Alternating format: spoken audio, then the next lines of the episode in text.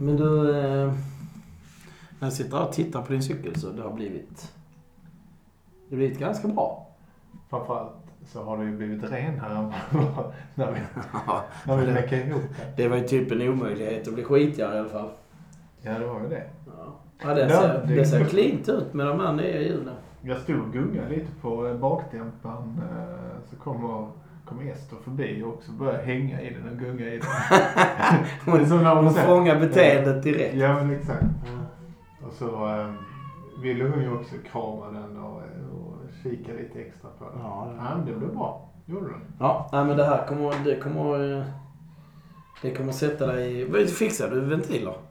Ja, jag var i cykelhandlaren då och förlåt igår och så när eh, jag skulle betala så kommer han springande och säger nej, nej, nej, nej förresten. Vi har inte några ventiler. Jag ska ha tubeless alltså. Mm. Och då, eh, men han ringde idag och sa att eh, de är beställda och att jag kunde komma förbi imorgon eftermiddag och hämta dem. De är bäst... Ja, okej. Ja. Ja, vi ska inte prata. Eh, ja, men vi har, inte, vi har inte nämnt vilken cykelhandlare det var så att vi kan säga vad vi vill. För vi varken eh, uppar eller eh, nerar. nej, men jag är jättenöjd.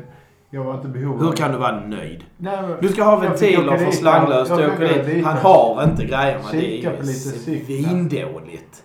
Ja, jag och pojken vi eh, stod där och pratade om vilken cykel han vill ha. Så att vi, vi fick titta på lite cyklar. Ja, du var en sån en mamma som ska in och köpa mjukisbyxor.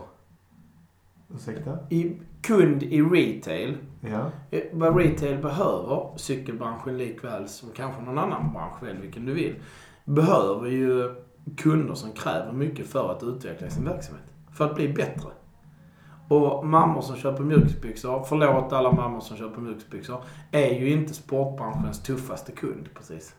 Nej, Nej. det är den inte. Men den Och det är du när du går in hos en, en, en, i en cykelaffär med din eh, son i given ålder. Nu pratar vi alltså i typ lågstadieålder. Spelar egentligen ingen roll var i det spannet de är. Och pratar om vilken cykel han vill ha. Det är ju... Det är som att gå in i en godisaffär och fråga vilket godis han vill ha. Ja, men det gjorde ju gott för vi pratade ju om cykel. Han var ju sugen på att börja cykla igen. Det är kallt ute. Men du, åter till det där med mamma. Fick du med dina ventiler? Ma- Nej, det fick jag inte. Då blev det alltså inget tubeless för dig. Var det, är det då är det en bra cykelaffär då? Ja, det är det. Det är en bra cykelaffär för den är tillgänglig. Den Ja. har öppet. Håll, du, Det är- håll du dig till dina mjukisbyxor, det är så jag känner. Men du, åter till det här med mjukisbyxor. Det är rätt intressant faktiskt. Vi har ju en kedja i Sverige som har eh, fyra löparbanor. Deras mål, deras, deras kund är ju eh, kvinna 25-35. Det är deras Ja. största Ja, ja. målgrupp. eh, Och som omsätter mest pengar Exakt. per kasse. Exakt. Ja. Det har vi diskuterat många gånger du och jag. Och jag förstår det. Men i att man väljer den kunden så har man också valt bort andra kunder. Och jag letar efter den som kanske kan tänka sig att välja bort mjukisbyxekunden för att få en annan kund. Men idag är det ju praktiskt taget så att om man inte har det på lager så kan du lika bra köpa det på, på nätet. Ja, så kan man också se det. Men om man nu har mjukisbyxor hemma och mamman kommer in. Vem är det som står för, eh, för inhandlandet i familjen? Är man då en Av familj ventiler är till fem, tubeless är det jag. Och Ja. inte mamma. Går in i affären och så köper man ett par mjukisbyxor. Men så har den här kvinnan eller den här medlemmen i familjen då redan bestämt att det är här jag ska handla mina skor. Jag ska handla regnjacka. Jag ska handla sittunderlaget till utflykten. Und so weiter. Så nog fan det. är det en jävligt bra eh, målgrupp att, att specialisera sig på. Ja, men frågan är bara när, man, när det har gått en liten stund med det, med det, med det målet. Kan man fortfarande gå in och köpa sportprylar då? Ja, det kan man ju.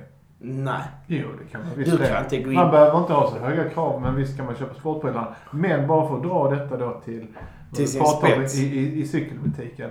När vi går in där och vi får god service och de faktiskt hör av sig. Även om det inte blev någon ventil igår så kommer det bli en imorgon. De får, de får möta mig två gånger. De, Han har ju, de har ju en andra serve imorgon ju.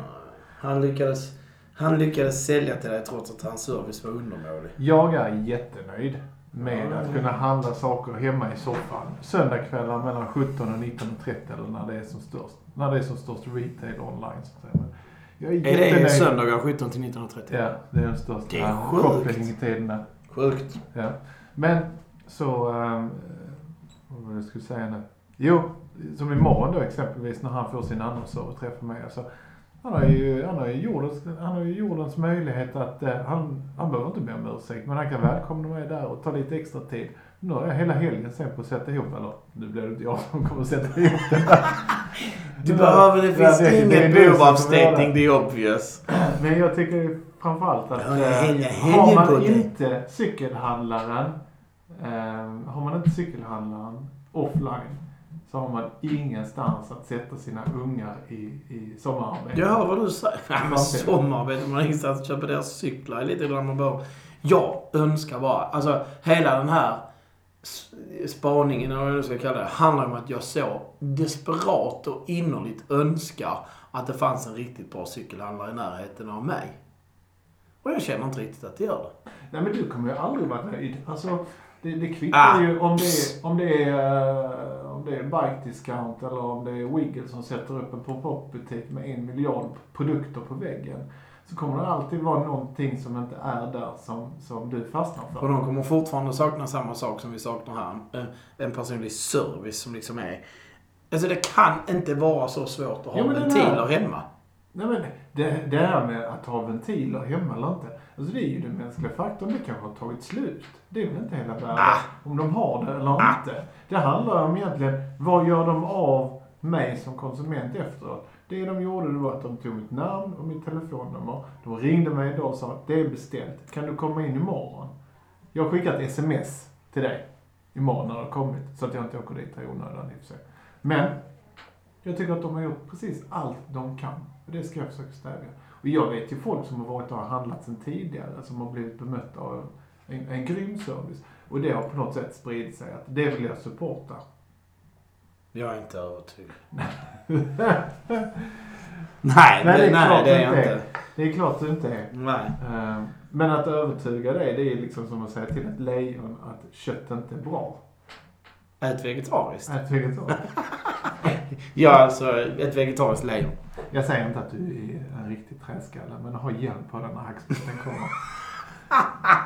För utan cykelbutiker så blir det inte lika många cyklister runt om i Sverige. Nej, Då har vi det skulle vara bättre cykelbutiker. Men detta är en bra cykelbutik. Vad är det du inte fattar? För att de inte har den där jävla ventilen. Ja, jag tycker det borde de ha. I... Nu har vi pratat om detta i 7 minuter och 38 sekunder känns som. Vi parkerar cykelbutiksfrågan.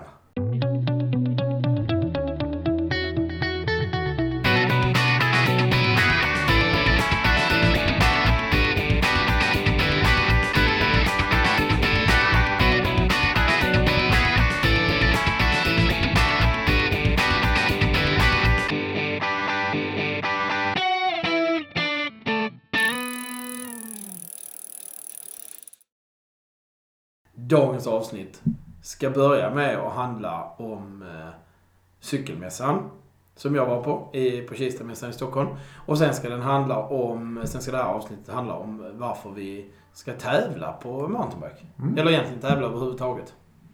Ja, kul. Ja. Men ska vi börja med mässan? Jag har, ju, jag har ju varit där som utställare faktiskt. Ja, fast då var det på Älvsjömässan? Nej, det var Kistamässan. Var det Kista då också? Ja. Jag var ju med där så att jag borde ju veta det. Har vi. Och eh, jag måste säga att jag har väldigt, väldigt goda minnen av den mässan. Att det var eh, fullt av eh, eh, Vi hade en bra mässa. utställare. Ja, ja. Fina montrar. Men, eh, eh, jo det var en bra mässa. Och jag vill minnas att eh, mitt intryck då, och jag vill påstå att det är nyktert, eh, att mässan var bättre det året än vad den var i år. Det året än vad det var jag. Jag kommer ihåg för, förra gången så fyllde jag i en enkät som utställare tyckte och då var det eh, då, då tyckte jag att de skulle ha interagerat med, med publik med mer föreläsningar och intressanta profiler som stod på, på en scen. Ja, men det var något enstaka sånt när vi var där också. Ja, det var det. det var För ju- det var mycket Jojje bättre Borssén- nu. Jojje Borssén stod ju där som, som Just det, han eh, hade någon chief moderator där. eh, jag tror att han var där för Runners World om inte jag missminner mig. Ja, bicycling och sådana. Bicycling var det. Men då var de medarrangörer på något sätt tror jag. Så var det kanske.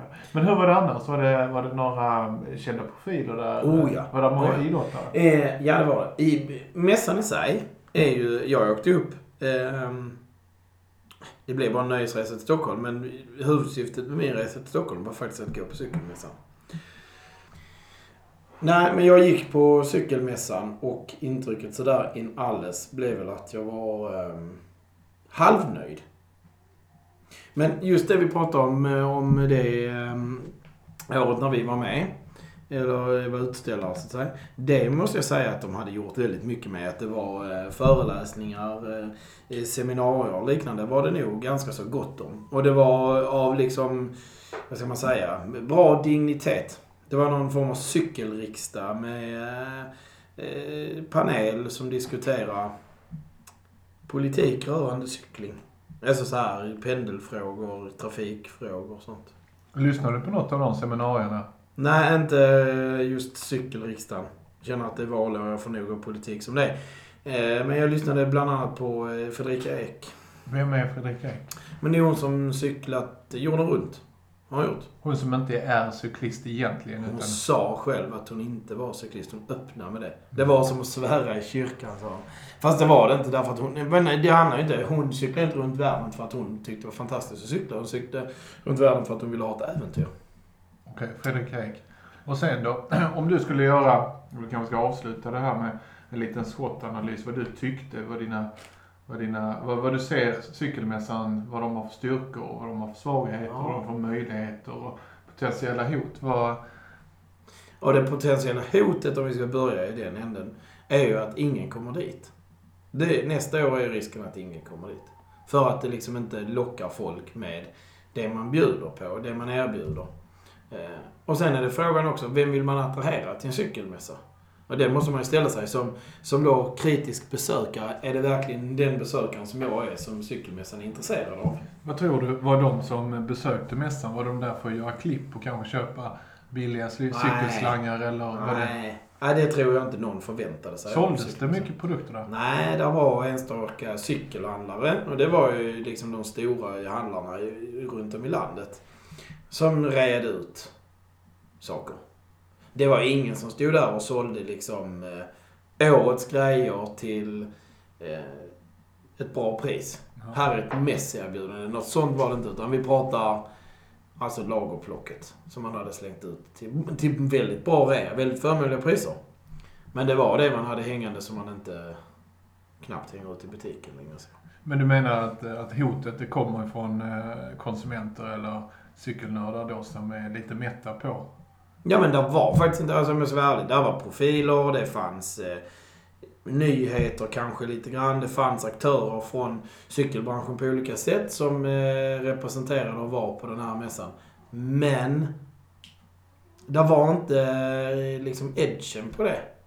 Ändå. Alltså, eh, största, största grejen om man tittar till ytan på den här mässan, för det är ändå så, ytan är begränsad. Så hur stor yta man ger till saker blir ju någonstans hur mycket får man plats med.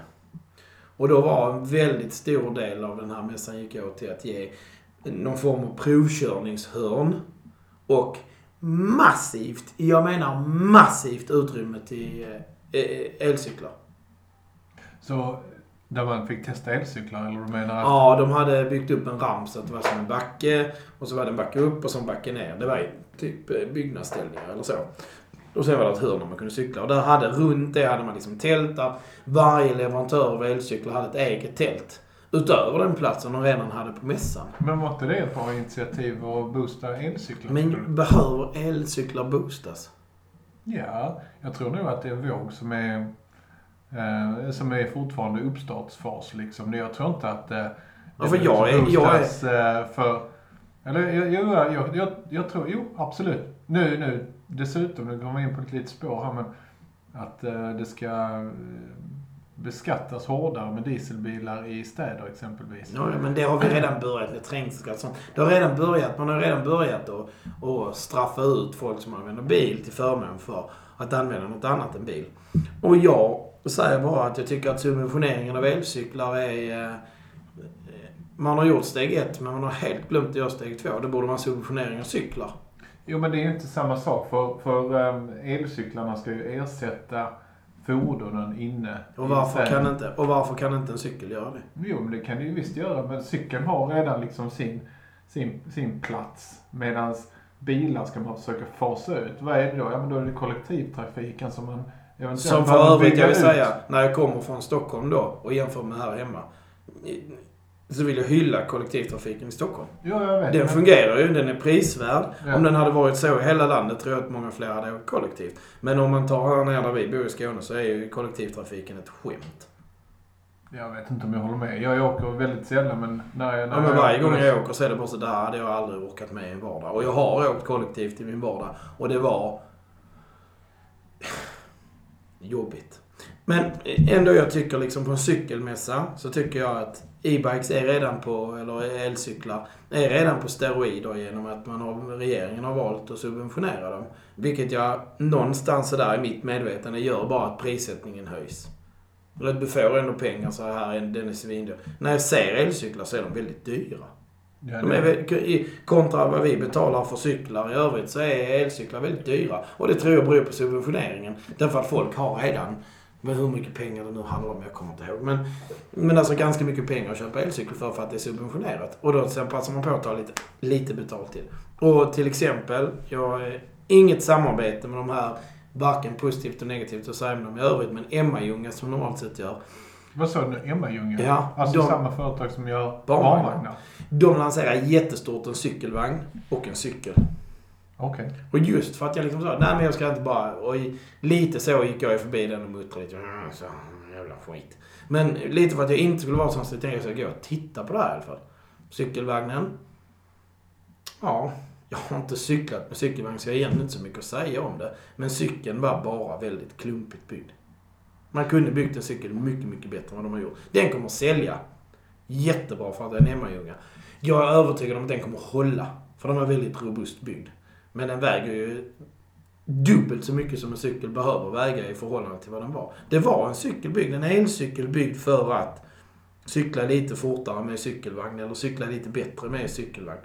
Men jag tycker liksom någonstans har man börjat i fel ända. Men jag är inte helt säker. Jag tror att många besöker en sån cykelmässa på grund av elcyklarna. Det går inte att ha en cykelmässa idag 2018 och tro att den ska attrahera de redan frälsta. Utan man måste ju hitta nya kunder. Ja, måste men det handlar inte... För mig, rekrytering in och då är elcyklarna det perfekta ja, för komplementet. mig handlar det inte om att utesluta elcyklarna. Absolut inte. De ska vara med. Det är en del. Men det blir en väldigt stor del av denna mässan. Mm. Men det är inget, ja. Sen andra skulle inte vilja kategorisera in det som ett hot för, för, för mässans vara Nej, vara. nej, men det är ju Svensk Cykelbransch som äger mässan. Och de vill ju promota elcyklar. Jag tror att Svensk Cykelbransch skiter fullständigt i mountainbike-entusiaster och satsar... Om de, om de var tvungna att välja, om de stod med en pistol mot pannan och sa elcyklar eller mountainbike-entusiaster så hade vi varit bortglömda fortare än en höna gör avträde. Därför att det är jättemycket pengar i elcyklar. Jag förstår det.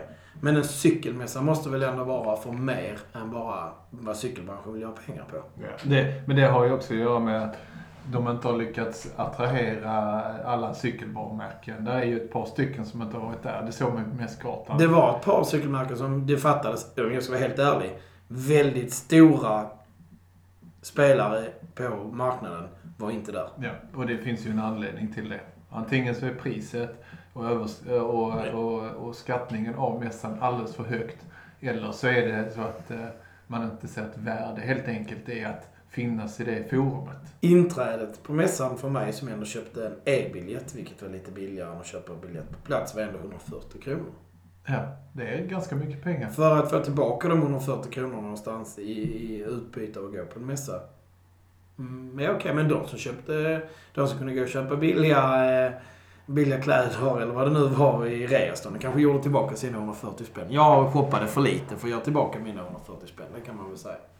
Men eh, egentligen om man ska släppa gnället, eller vi ska gnälla lite till därför att det här med yta blir också en sån sak. Då är det stora aktörer den här gången. Jag ska välja Shimano som exempel. Väldigt stor aktör. Har väldigt stor yta på mässan. Väljer att förvalta den väldigt konstigt. Så, Alltså, de har en yta som de skulle kunna visa 100 grejer på. De väljer att visa 10. Den blir väldigt luftig och snygg och vad det nu innebär. Men det blir också... Det finns andra som inte har råd med det stora utrymmet som får stå och trycka in sig på en liten yta som... Det hade gett besökaren mer om Shimano fick lite mindre yta. Men eh, man förstår att det där är en jätte och att jättarna... En jättes utrymme kommer ju inte av att alla andra har lika mycket plats. Ett jättes utrymme kommer ju av att de har störst plats. Ja. Och Shimano är en jätte. Sen är det ju så också att är det ett stort företag som står för en stor del av den totala hyran mässarrangören betalar till fastighetsägaren. Ja. Då är det ju så också att det kanske inte är det varumärkets intention att utnyttja hela ytan heller. Nej. Nej, de köper ytan. Jag är helt övertygad om får att de... de ytan. Det, det, Nej, det eller så är det så här, de köper ytan för att ta bort sina konkurrenter. Fine, så Nej, nej. fungerar Nej, nej, konkurrens nej, också. nej, nej, för fan. Nej, nej, utan eh, nej, handel föder handel och konkurrens är gott och så vidare. Men jag, tror att det är så här att arrangören då kanske inte har uh, uthyrt alla kvadratmeter och då får de stora extra Ja. kvadratmeter. Sen är det också så att vad ska Shimano visa på stora ytor? Det är ju komponenter, det är inga stora saker. Det är små saker. Men i deras monter, nu ska jag gå över till att vara lite mer positiv. Testar jag, eh, de hade satt upp en sån testrigg med elektroniska växlar. Vad- Elektroniskt, var det positivt till det? Ja men lyssna där. Jag har haft elektroniska växlar på en eh, Tempohoj. Och där tyckte jag att det var väldigt bra. Så när jag såg dem där så tänkte jag, jag är SRAM-frälst. Och det tänker jag nog fortsätta vara. Eh, men jag var tvungen att testa känslan i dem. Eftersom den var uppsatt. Det här var XDR så det var de finaste. Men känslan var väldigt SRAM-lik. Var det det? I de reglagen. Ja. Men lät det då som, som du brukar säga, alltså att det verkligen... Ja, det var mer det ljudet liksom. än det här Shimano. Det. Nej, men vad jag undrar då liksom är varför inte Shimano fått till den känslan i sina mekaniska växlar? För det var verkligen, alltså knapparna bara klonk, klonk. Den här klockrena känslan. För, och jag pratade med han som eh, var där för Shimano. Han var hur trevlig som helst. Jättebra. Att de hade jobbat mycket med känslan i reglagen på mountainbike. För det första var att de hade gjort dem lika mjuka som de är på landsväg. Och för er som inte har testat dem på landsväg så är det liksom faktiskt en minimal kraftansträngning för att byta växel. Och det kan du faktiskt på, jag menar ska du växla uppåt på kassetten så får du ta i lite med även med reglage på landsväg. Men med det elektroniska så är det bara fjopp så går det. Och det går så fort och det går så exakt och det går så lätt. Och den känslan när de börjat med på mountainbike, att det liksom bara röra reglaget så gick nästa växel i. Men eh, nu hade de, eller de hade under tiden de jobbade med det och testade det med, proffscyklister och så här, ändrat. Så nu var känslan, eller känslan i det är ganska så mekanisk. Ganska Ja. tydlig. Jag är ju där nu att du har lyckats sälja in nästan SRAM till mig. För att jag har varit motståndare till det. Men det är Du menar, för- du, vad du menar nu är att du med din cykel med Shimano-komponenter sitter och googlar SRAM liksom. Nu ska du inte lägga orden i munnen på mig för det är det värsta jag vet. Vad jag menar, Men det det är är, att jag skulle vilja prova någonting nytt. Ja, jag förstår vad du menar. Ja. Så, eh, och om, vi nu, du, om du nu ska outa, vad, vad, vad kostar de här D2? Ja, men det kostar ju Grupperna. minst, jag vet inte helt ärligt, sådär. Mellan tummen och pekfingret kostar lika mycket som det kostar att köpa SRAMs bästa grejer. Ja, Plus att, plus 15 20 papp. 20 000? Ja. 20 000 skattade Ja. pengar. Ja, 20 000 skattade pengar för en full grupp liksom. Ja. Och, och då ska man ha klart för sig också att SRAM kommer ju med sin elektroniska lösning snart. Och då kostar den typ Men det är 30. samma. Det är väldigt lika priser. Och den i sin tur är ju sladdlös. Mm. Det är ju inte D2. De har ju lite sladdar. Jag måste säga att när meckat med min Tempohoj med sladdar och sånt, det är inget svårt att bygga ihop en cykel med D2. Det går väldigt enkelt. Det är mycket lättare än att dra vajer för att... Ja, det är bara en sladd. Men eh, sladdlöst. Det blir väldigt cleant och snyggt. Men det ska sägas att det enda jag såg av SRAM eh, var ju i andras montrar. Ja, ja. Och själv. Nej. Och E-Tab var eh, på en landsvägshoj som Bianchi visade. Ja, ja. Så det var ju landsvägsversionen av det. Ja. Den är riktigt fräck den där, deras elektroniska E-Tab. Men eh, det var positivt med Shimano. Sen vet jag inte om det är positivt nog. Men jag ska börja prova det på en cykel. Men skit i Shimano nu. Om man går vidare till... eh, Vad som är var positivt. Ja. Ja, absolut.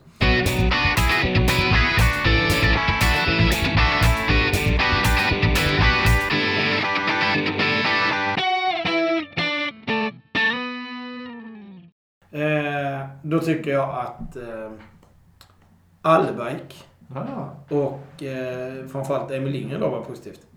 För Emil stod i deras monter. Berätta. och visade sin Emil nya cykel. han har alltså vunnit cykelvasen bland annat. Ja, ja, det är en svensk proffscyklist. Är En av de bättre vi har haft. Ja. Ja, så. Eh, Helt och hållet. Det är väl han och fem, sju andra vi kan prata om. Vi ska prata manliga mountainbikecyklister. Um, och han gör ju någon satsning i år på, på eh, cross country marathon. Det var kul. Och då stod han med sin nya cykel, Ja. en Allebike, som de hade kittat upp. Och så stod han och pratade med folk om sin nya cykel. Liksom, proffsen kommer ner på gräsrotsnivå. Nu är han ju inget megaproffs. Det här är ju inte Zlatan liksom, utan det är ju ett... Han är någon annanstans på skalan, men ändå att han tar sig tid att stå. Och han var eh, väldigt avslappnad och trevlig. Sen är det ju en, det är en kul kille. Ja. Alltså, han är ju en, han är ju en perfekt ambassadör på många sätt. Han snackade om, det kom någon när jag stod och tittade på hans cykel, så, så kom det någon och frågade om varför han hade valt den färgen han hade gjort. Och liksom, då är han inblandad i att välja färg på den. Och nu pratar han om att han hade valt en klarlack istället för en mattlack. Ja. Eller en glansig klarlack. Och han hade då en, eh, en utläggning om det. Ja, men det var bara för att det var lättare att göra rent den. Det låter ju rationellt. Ja, men ja, och skönt att även de tänker så. Ja. För man tänker att han har någon som gör rent den åt honom. Ja, Det har han kanske på tävlingar, men han har... Ja, men Allebike, Serneke, det är ju ett stort lag. Ja, som det dessutom har allt i, i svensk mountainbikeväg i sitt lag Det var inga butlers direkt. Det är nu... Han är inte långt borta. Och montern bredvid Allebike var Scott. Ja. Och där stod eh, Wenglin. Som ju faktiskt kör världscupen i år i eh, det som heter XCO på engelska. Men Mm. alltså olympiska distansen. Den vanliga cross country. Och de hade givetvis också kittat upp en Nino Schurter-cykel sådär. Annars...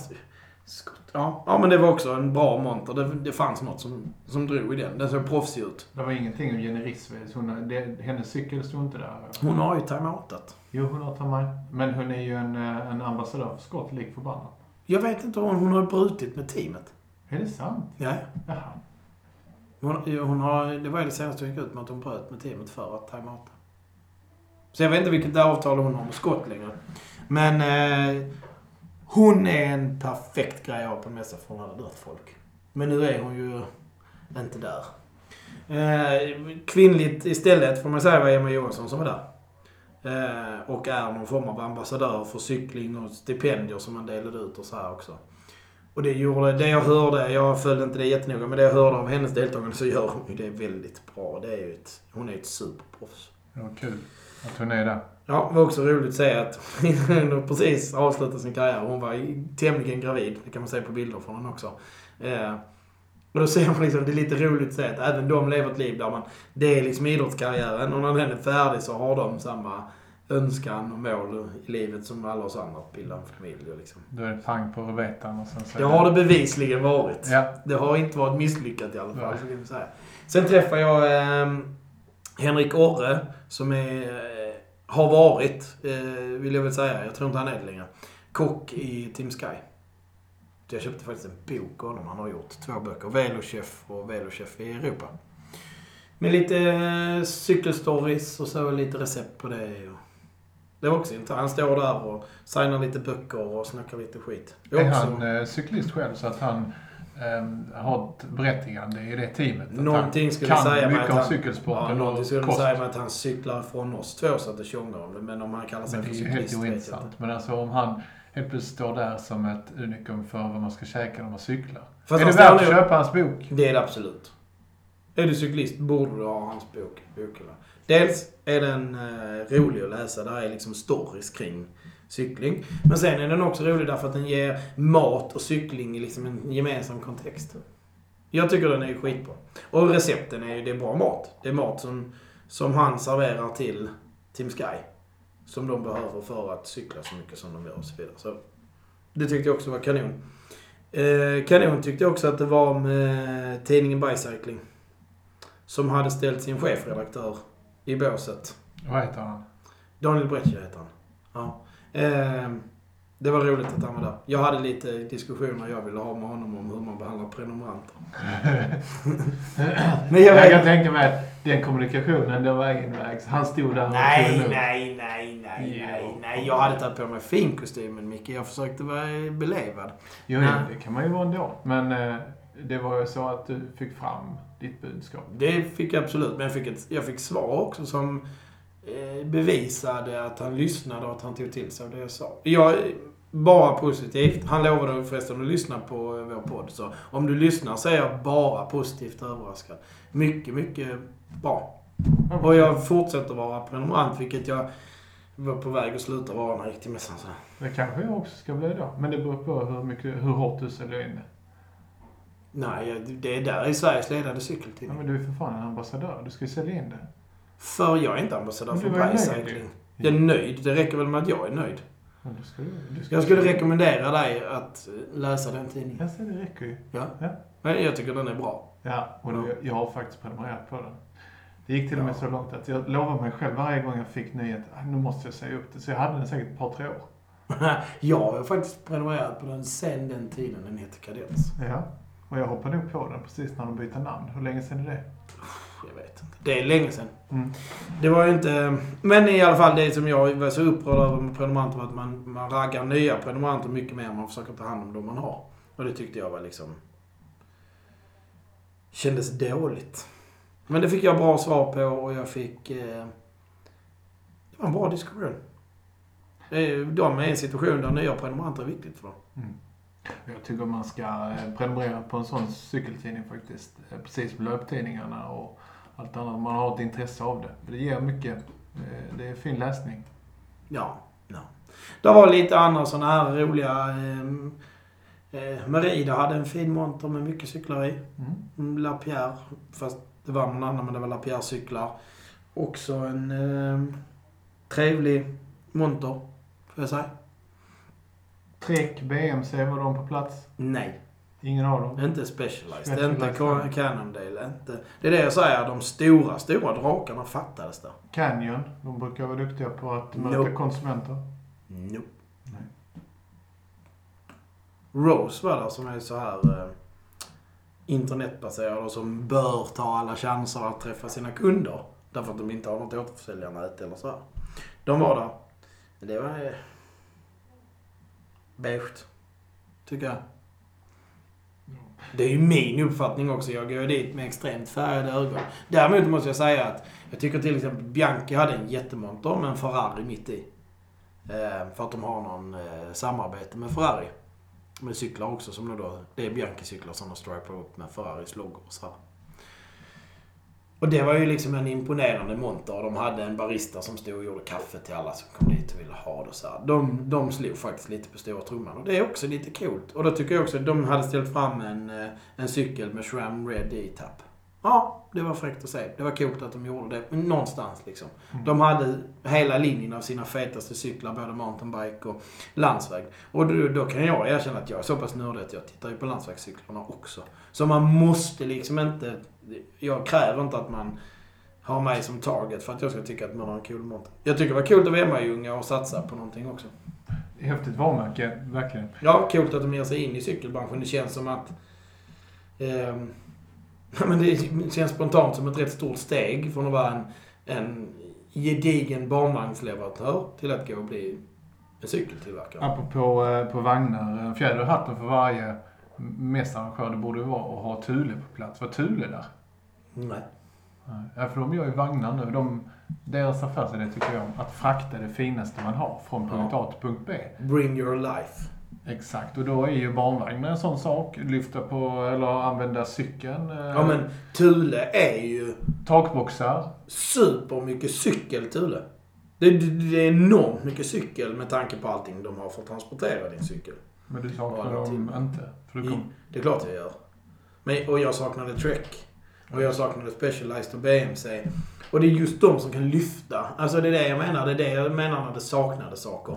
När de, de kan lyfta en mässa så mycket. Trek, Specialized, Cannondale, Thule. De har musklerna att göra någonting av en mässplats. så man kan säga att det var lite julafton, men du fick två, tre klappar som var nja, Men du saknade liksom några Jag riktiga... fick ingen hård klapp. Du fick ingen Jag fick bara... ehm, ja, det var faktiskt en ehm, annan monter som eh, imponerade. Det var ett, ett märke som jag känner till för att de har... Um, gör hundtecken och sånt där. Som är då ett som man säger, ett keramiskt tyg som gör att hunden håller sig varm med det här täcket. Det heter back on track.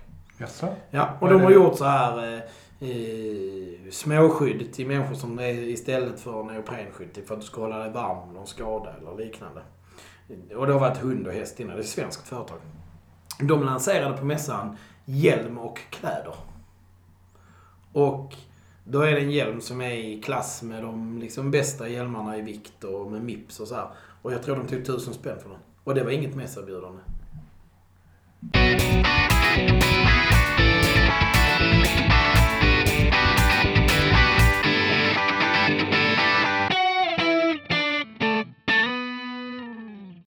Så om man ska eh, summera den här då. Vad skulle du säga? Vad är det, vad är det största hotet nu? För vi var inne och touchade på det lite. Ja, men det jag tyckte största du fladdrar iväg. Ja, det största hotet är ju att man tappar kärnvärdet av en cykelmässa är. Att man låter trender i branschen bli hela cykelmässan. Nu fanns det väldigt mycket e-bikes och vi pratar om att de stora drakarna fattades. Och då är, då är möjligheterna då, Men du, du får utveckla det. ja, men möjligheten är ju att locka alla typer av kunder. Alltså här finns ju allting från den som är ute efter att titta på en lastcykel, alltså typ cargo bike, till den som är frälst cykelidiot.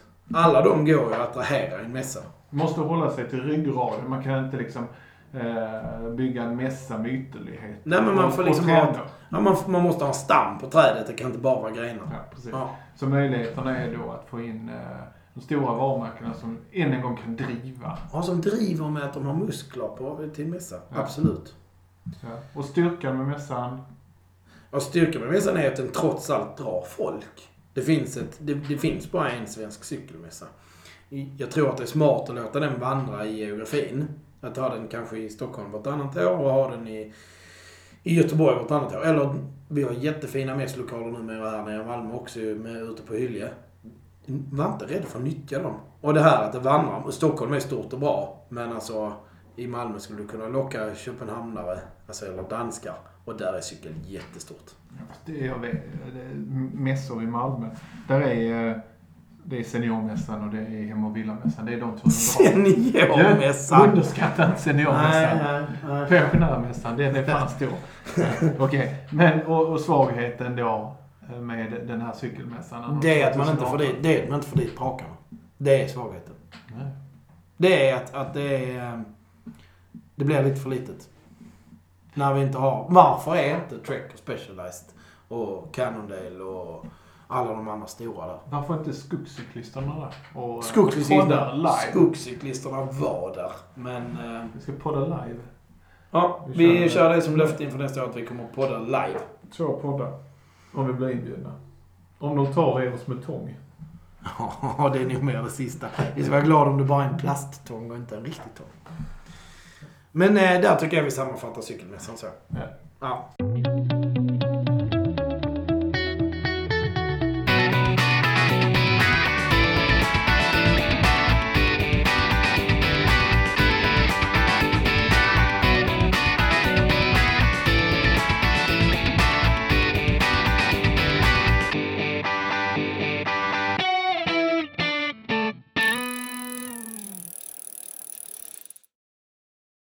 Ska vi kasta oss över på eh, dagens tänkta ämne, det vill säga tävling. Ja, vad Det kul. lät som att vi skulle tävla ut något. Jag menar varför vi tävlar. Varför man tävlar. Varför ska man anmäla sig till en tävling? Det, ja, för, för mig handlar det om att ha en motivation att träna. Du menar att din... Eh, du sätter mål och sen så på vägen sätter du delmål och klättrar mot ditt stora mål. Ja, nej, vad jag menar det är att om jag exempelvis ska ut och börja, börja träna, jag måste ha lite volym och jag måste, måste eh, bita ihop så, så räcker det inte med att bara sätta upp eh, tre dagar i veckan. Jag måste ha en målsättning, jag måste köra en X-cup eller en cykelvasa och då eh, kan jag inte komma oförberedd till det. det. Det ser ju bara dumt ut och det är taskigt mot mig själv. För den tiden får jag inte tillbaka om jag inte liksom, ger, ger min träning kvalitet. Så så jag tävlar mycket för att hålla igång träningen. Hör Kontinuerligt. hör egentligen att om man eh, någonstans eh, lägger upp det du säger så är det ju typ tre grunder nästan i det du säger. Den ena grunden är att göra någonting roligt och förbereda sig för det. Det andra är någon sån här stolthets eller eh, jag vill inte skämmas för min prestation. Och den tredje är att jag vill ha någonting som ligger som en liten eh, motivator, stjärna för mig när jag egentligen inte riktigt pallar. Alltså den sista här är den som jag tycker är bäst. Ja, det, ja, lite. Nu är vi där och touchar igen. Jag är, Ja, så, så skulle man kanske kunna uttrycka det. Men jag tycker att det, det, det, är jävligt, det är kul. Eh, jag tävlar också för att det är så otroligt roliga sammankomster. För det, det ger någonting efteråt som är helt unikt. För inför en träning, tävling så kommer ju nervositeten och ja, ja. Eh, ifrågasättandet. Är jag tillräckligt bra? Vad gör jag här? Jag blir nervös, jag blir kissnödig och allt det där. Och sen så precis när starten går så tänker man, ah vad fan, vi gör det bästa av det det blir inte bättre än så här. Nu biter vi ihop och så kör vi någon timme. Efteråt, jag har aldrig varit med om att det här gick ju inte riktigt bra. Utan tänker man, det här ska jag göra om och jag ska vara lite bättre. Ja. Där och då. Oavsett om det har varit en, ett Vasalopp som jag kom till helt oförberedd eller om det har varit en, en ett annat Vasalopp som ja. på cykel eller om det ja. har varit en Ringsjö runt eller om det har varit sprungit en maraton eller en, halvmaraton så har det alltid varit en tillfredsställelse efteråt. Och det är en stor del i varför jag tävlar, för jag vet att belöningen kommer från någon stolthet gentemot min prestation. Ja men det tror jag också. Och att nå uppsatta mål är ju en jättestor tillfredsställelse. Jag tror också att, eh, att man ska fånga det Jag tävlar definitivt för att jag behöver sätta ett mål. Jag behöver ha ett mål att sträva mot. Och utan det blir min tillvaro lite flackande och, och svag. Och sen så tävlar jag definitivt för att... Eh, men det här du säger med sociala sammankomster. Och där vill jag blanda in. Jag har aldrig... Du säger att du aldrig gått i mål och känt dig missnöjd. Då, då, jag är missnöjd har jag varit, men jag har aldrig känt att jag inte vill ge den en chans till. Eller att det var ett misslyckande så, totalt. Men jag har heller aldrig stått på startlinjen och mötts av dålig attityd eller otrevliga människor omkring mig. Utan precis tvärtom. Varenda gång jag ställer mig på startlinjen till ett lopp så träffar jag andra människor som är de behöver egentligen inte vara lika mig, det är inte det jag säger, men de är i samma situation. Som är beredda att eh, ha en trevlig attityd mot alla runt omkring sig. När man står där och snackar, man är, det är aldrig så stor förbrödring som på startlinjen. Mm. Har du eh, någon gång eh, gått in med, det, det har du kanske, men eh, gått in med, med inställningen att det här ska jag vinna när du har ställt upp i ett, eh, ett motionslopp? Det är många, många, många, många år och kilo sen. Ja, det är det? Ja, det har jag gjort. Jag har sprungit någon lopp för att vinna. Och kanske placerat mig hyfsat. Men det är väldigt länge sen. Alltså det, är, det är ju en, en det är ju ett helt annat idrottsutövande än det jag har idag skulle vilja säga som, som motionär att när man går in med den inställningen att man måste vinna, man, dels ska man vara väldigt väl förberedd, men oftast så blir resultatet eh, eh, en ganska eh, sorglig historia. så, som vi har stött på eh, i, i yrkeslivet, många atleter som jag har sponsrat genom åren, så så har jag alltid visionen, eller så här in, införsäljningspitchen har varit, jag vill att du sponsrar mig för att jag kommer trea i junior-SM, jag kommer femma i Nordiska mästerskapen och allting. Så tycker man att ja, vi ger den här eh, pojken eller flickan en chans här och så skickar vi lite prylar och kanske någon, någon, någon, eh, någon resepeng eller någon sån här anmälningsgiftspeng, 5 000 eller 10 000 eller vad det kan ha varit. Men sen när man följer upp detta i efterhand så har det ju alltid visat sig att de som har verkligen gått in för att vinna istället för att utveckla sig i, under, under resans gång. Att ja. det ska vara bäst om tre år. Ja. Men här, här snackar vi om personer de som ska vara bäst om två veckor. Ja. Eh, så har det brutit dem. Och det har slutat med att mer eller mindre alla lägger ner sin elitsatsning för att man har gått in med med, med, med hull och hår. Att jag ska vinna allt jag ställer upp i. Och det är därför jag ställer frågan till dig. Vad har det gjort dig? Vilken person har du skapat genom att du har velat vinna en tävling. Ja, fast jag tror ju också att om man går in med, om man börjar i den änden, om man går in med jag ska vinna om två veckor så är det andra som gör saken du gör bättre. Den som sätter en treårsplan kommer genomföra det bättre än vad du gör om du sätter en tvåveckorsplan.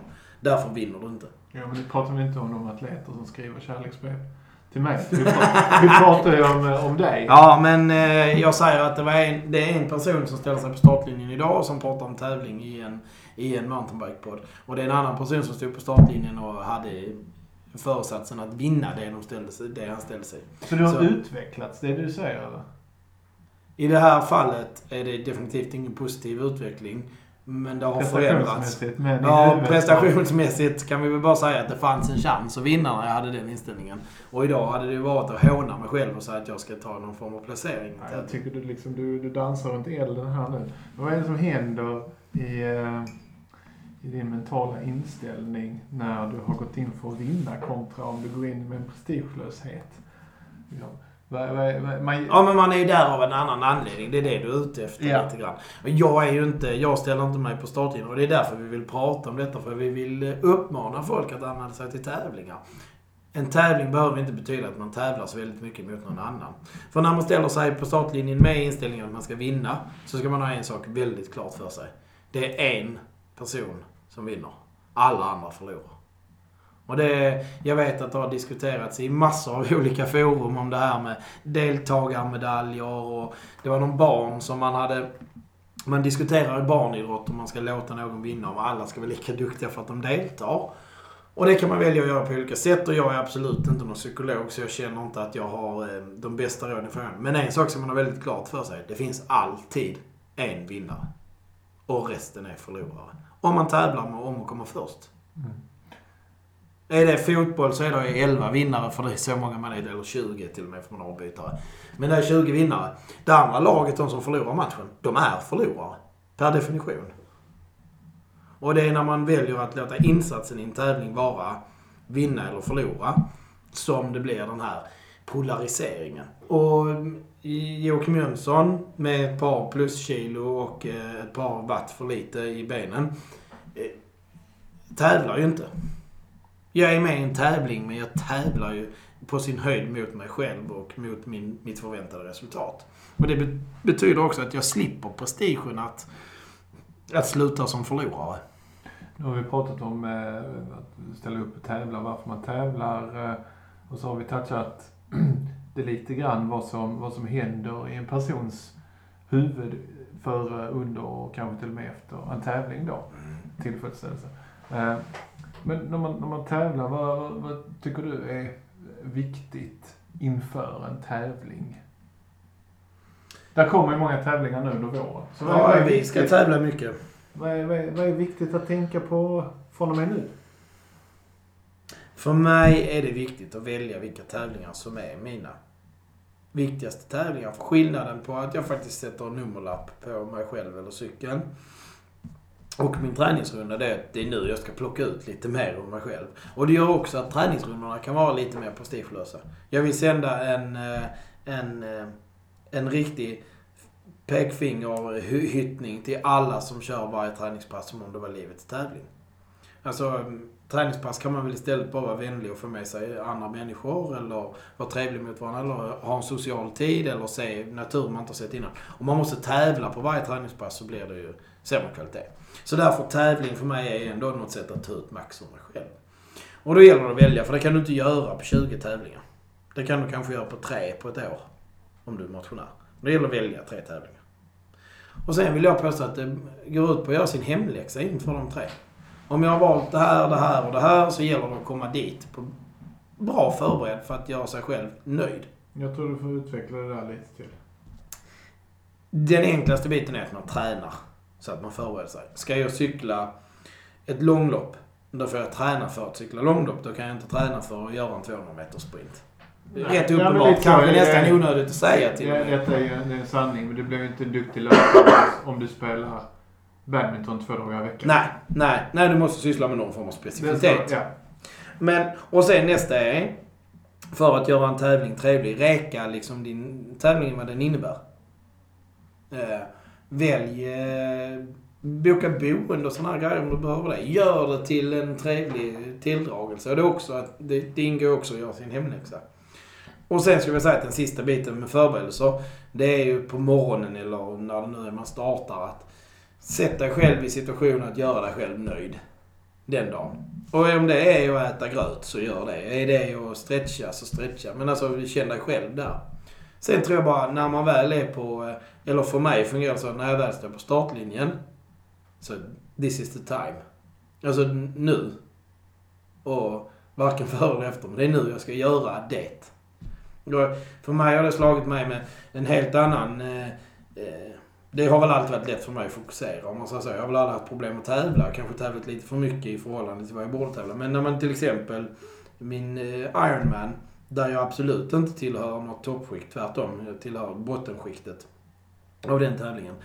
Att stå på startlinjen för simningen och känna att det är nu det börjar. Och sen redan på simningen hade jag i alla fall tillfällen när det... Det här går ju inte smärtfritt eller det här är inte min bästa simning någonsin. Men att då, men det, det finns ingen annan tid. Det finns ingen annan tid att göra detta nu. Du, du har valt det här loppet Joakim. Nu gör du det. Mm. Och likadant, cyklingen man har, får, man får en Ironman är så lång man får sina schackningar. Men när man får en schackning eller en, en sämre period, ja det är då valt att göra detta.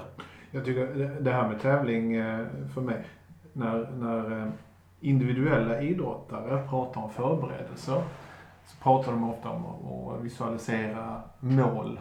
Var, var ska jag vara någonstans om en timme eller 10 kilometer in i loppet och så vidare. Det jag tycker är väldigt relevant på, på, ehm, på startlinjen eller eh, ehm, vid förberedelserna det är på något sätt visualisera, vad ska jag hinna med? Vad, vad ska jag göra?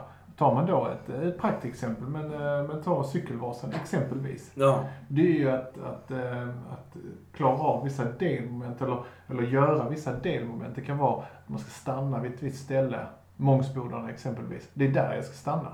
Ja. Det är dit jag ska ta mig. Att jag bryter ner tävlingen för att kunna maxa liksom. Ja. Att det hela tiden finns någonting som jag ska göra så jag inte ser hela loppet. Likadant är det när, man, när jag har sprungit eh, Kullamannen exempelvis. Nej, men när jag kommer upp till fyran, då ska, då ska, jag- då ska ta det lugnt där. ja. Där ska jag stå Belöna stilla sig på vägen två, lite grann. två minuter och bara, bara chilla liksom. ja. Eller det kan vara till exempel under, under träning när vi är ute. Så ser jag det som att nu ger vi järnet och sen så just där borta vid den, vid den ja, ruttna eken eller det kan vara. Att där ska vi ta vår gäll första gången. ja. Så att man bryter ner tävlingen och avdramatiserar den. Det, det tycker jag är jäkligt viktigt. Ja, det är nog ett sätt att hantera en, en stor uppgift. Mm. För en tävling kan ju vara, och det är därför jag menar, om, om jag skulle ge mig ut och göra träningspass där jag simmar 3800 meter, cyklar 18 mil och springer 4,2 så hade jag brutit. Jag hade inte cyklat 18 mil ens. Därför att ett träningspass betyder inte tillräckligt mycket. Men att hänga på sig en nummerlapp, att göra det i ett arrangemang där jag går mål, där är en speaker, eh, banan är utmärkt, den är avstängd från trafik, eh, jag får en fet medalj. Och sen dessutom den, den innebörd som jag lägger på det, att jag säger att det här är mitt valda, mitt valda race. Det gör ju att jag fullföljer. Det ger ju mig mer energi. Men jag tror fortfarande att, att bygga sin strategi för att klara det, den, den är nödvändig och den kräver att man känner sig själv. Och det, är, det gör du genom träning, där känner sig själv. Och det är väl ännu en anledning till att säga att anmäl dig till tävlingar därför att du får lära dig saker om dig själv du inte får reda på på annat vis. Ja, det är faktiskt ett jätte, jättebra sätt att lära känna sig själv och kolla, kolla av vilken karaktär man är. Och när du pratar om, om, om, man, har, om, man har utveck, om jag har utvecklats från att jag stod på en startlinje och trodde att jag skulle vinna saker till idag. Jag självklart har att hålla på med detta och utveckla mig. Jag lär mig saker om mig själv. Och jag skulle vilja påstå att... Jag vet inte. Finns det någon som har en vardag som inte handlar om att prestera? Finns det någon som går till jobbet och skiter? Ja, det är klart det finns massor. Men nästan alla har en vardag där det gäller att göra någonting så bra som möjligt. Vi ska inte outa yrken nu, men jag tänker på ett par stycken som är riktigt jäkla pissdåliga. Och vi ska, nu, nu ska vi nog fan lägga, nu ska vi lägga tand för tunga här tror jag. Men eh, om vi bortser från de yrkena då, de onämnda. Så alla går till jobbet för att göra sitt bästa jobb. Och om man gör det så är det ju faktiskt att tävla det också. Så jag tror att du kommer bli bättre på det du gör varje dag. Om du lär dig att tävla.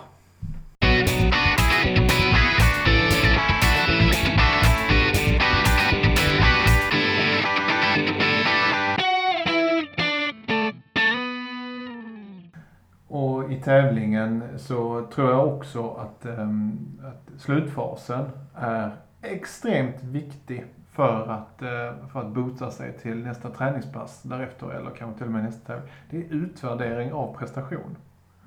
Så efter varje tävling så ska man sätta sig ner och man ska prata igenom saker som har hänt tillsammans med eh, de man har eh, deltagit tillsammans med eller alternativt sin, sina nära och kära som har stått och stöttat en. För all den tiden som investeras för att inte eh, kalla det waste of time på grund av att man gör ett jäkligt dåligt lopp. Då tycker jag mm. att då ska man sätta sig ner och utvärdera. Det blir ett bokslut för just den tävlingen för att kunna ta nästa kliv. Det tycker jag Joakim att du har lärt dig mycket av. Du har sagt väldigt många gånger, det här ska jag aldrig göra. Eller, det, har hänt. Ja, ja, Det här ska jag inte göra. Men, sen har du ändå utvärderat. När, man, när, du, när du har hört andra individer i de sammanhangen du är säger men det där var inte så farligt, det var bra och så vidare. Sen helt plötsligt så har man glömt bort att utvärderingen efteråt var ganska så viktig. Tänk om cykelvasan nu. Ja men när du stod, stod och, och grät där i målfållan.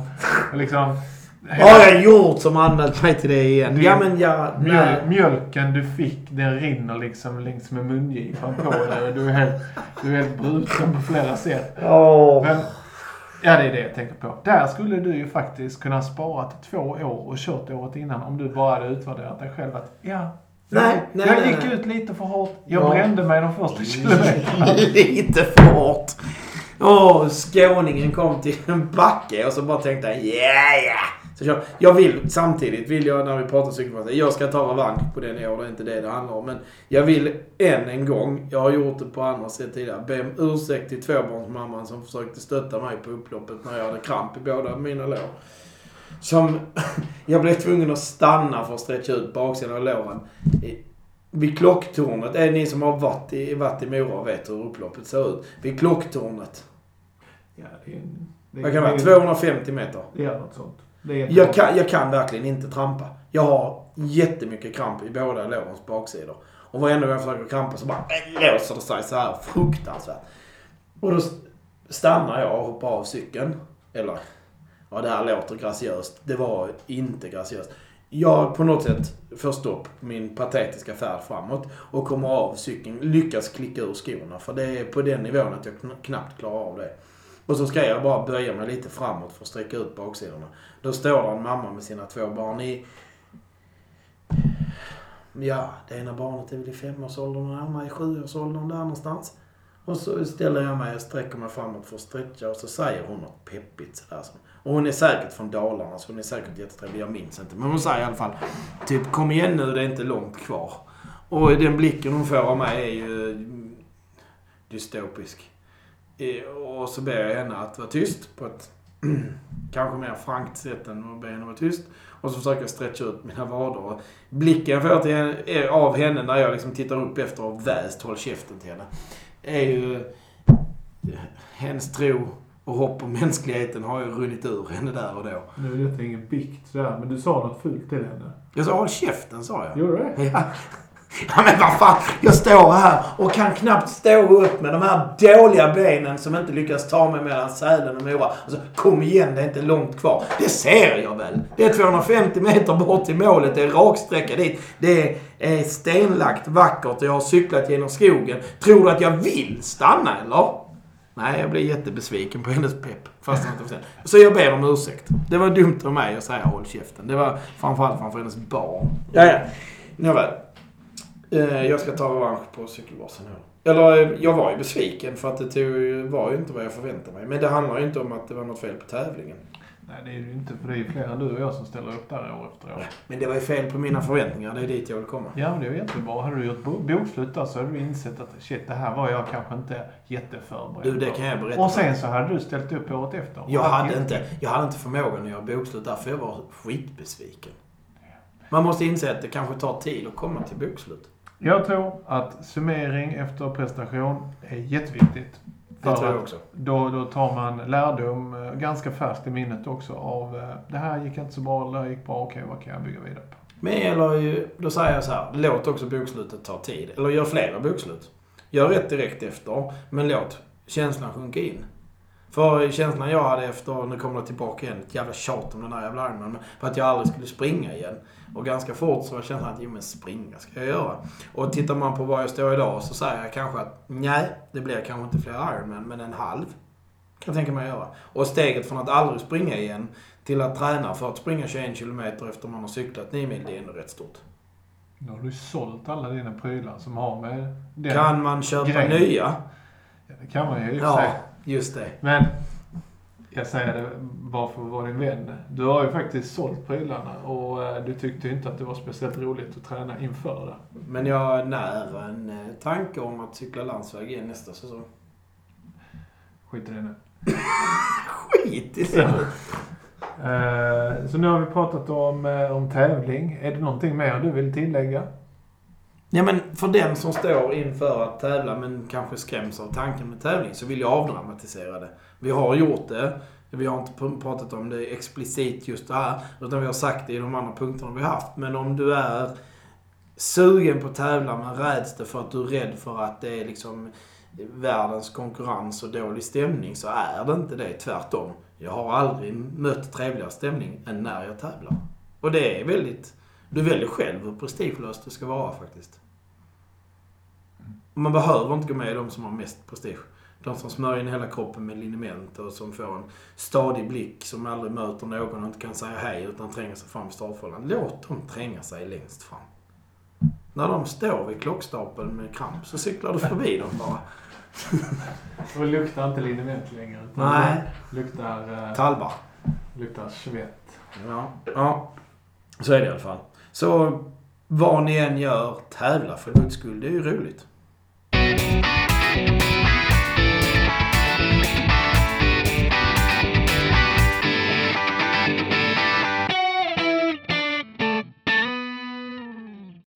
Ja, nu känns det som att vi var lite överallt med det här i avsnittet. Ja, det var lite, det var, det var en stjärna detta. Det var eh, må, många kanter. Ja, det är Må, många spetsar. Ja, men just stjärna tyckte jag var en bra sammanfattning, Micke. Vi var på många bra ställen. Vi ehm, stänger boken med det och säger att om det är någonting som ni tänker på när det gäller tävlingar eller ni kanske dyker upp någon fundering eller fråga som ni tycker är viktig, så säg ifrån. På något sätt så eh, fångar vi den. Ja. Och för vi kommer komma tillbaka till tävlingar på det sättet att vi kommer ju tävla under säsongen. Och jag tycker att det är jätteroligt med Race Reports. Och, och interagera med oss givetvis på, eh, på Facebook eller på Instagram. Det är en del som har gjort det och eh, vi vill gärna göra era böner hörda. Så att eh, Det lönar sig alltid. det lönar sig. Mm. Och vi kommer, jag lämnar en cliffhanger här. Vi kommer komma till en fortsättning på hur det går med dina tubeless-hjul. Mm. Det kommer det göra. Där har jag en stark åsikt att de jag ska köpa hos, de kommer leverera till 110%. Jag kommer bli jättenöjd. Jag är inte orolig för det. Men det som skulle bli roligt att höra är om du märker någon skillnad. Ja, just det. Mm. För jag tycker Jag det är stor skillnad på att cykla med slang och utan slang. Vi har ju skrivit upp lite nu hur eh, materialet kan ha inverkan på prestationen. Och jag har ju tydligen kört på skit fram till nu. skit. Det är skillnad på pannkaka och skit. Eh, du har inte kört på skit. Men eh, jag tror att du kan ha goda förutsättningar att eh, det blir bättre. Jag tycker vi, vi också nämner en sak att vi, vi lägger ut lite roliga, jag, jag tycker vi lägger ut lite roliga tävlingar som vi har erfarenhet av. Där är ju framförallt en jag tänker på som är det bästa jag har ställt upp i någonsin. Och det är Renslättsturen. Ja. Ja. Men den ska vi köra i år igen väl? Jag skulle kunna gifta mig där. Jag skulle kunna ha mitt bröllop där med de som arrangör och catering. Det blir... Och bröllopsgästerna får sportdryck och energigel samt bars. Det är, det är tre rätter. Köttfärssås. Köttfärs. Ja! Det är köttfärssås i målet. Det hade jag helt glömt. Det är mat i Men målet. vi lägger ut lite roliga, roliga tävlingar där. Och det, det kommer kanske inte bara vara cykel, det kommer vara annat också. Ska vi inte... Ska vi inte podda från Ränneslättsturen i år? Kanske. Efteråt. Vi får se hur du mår då. Före och efter. Före och efter. Ja, visst. Det kan bli att han som sitter och pratar, den tjocka av de som pratar, han kommer att vara jävligt låg. Det blir ett bokslut med röda siffror. Ja, och med det avslutar vi. Tack för att ni lyssnade. Hör av er om det är något ni vill oss.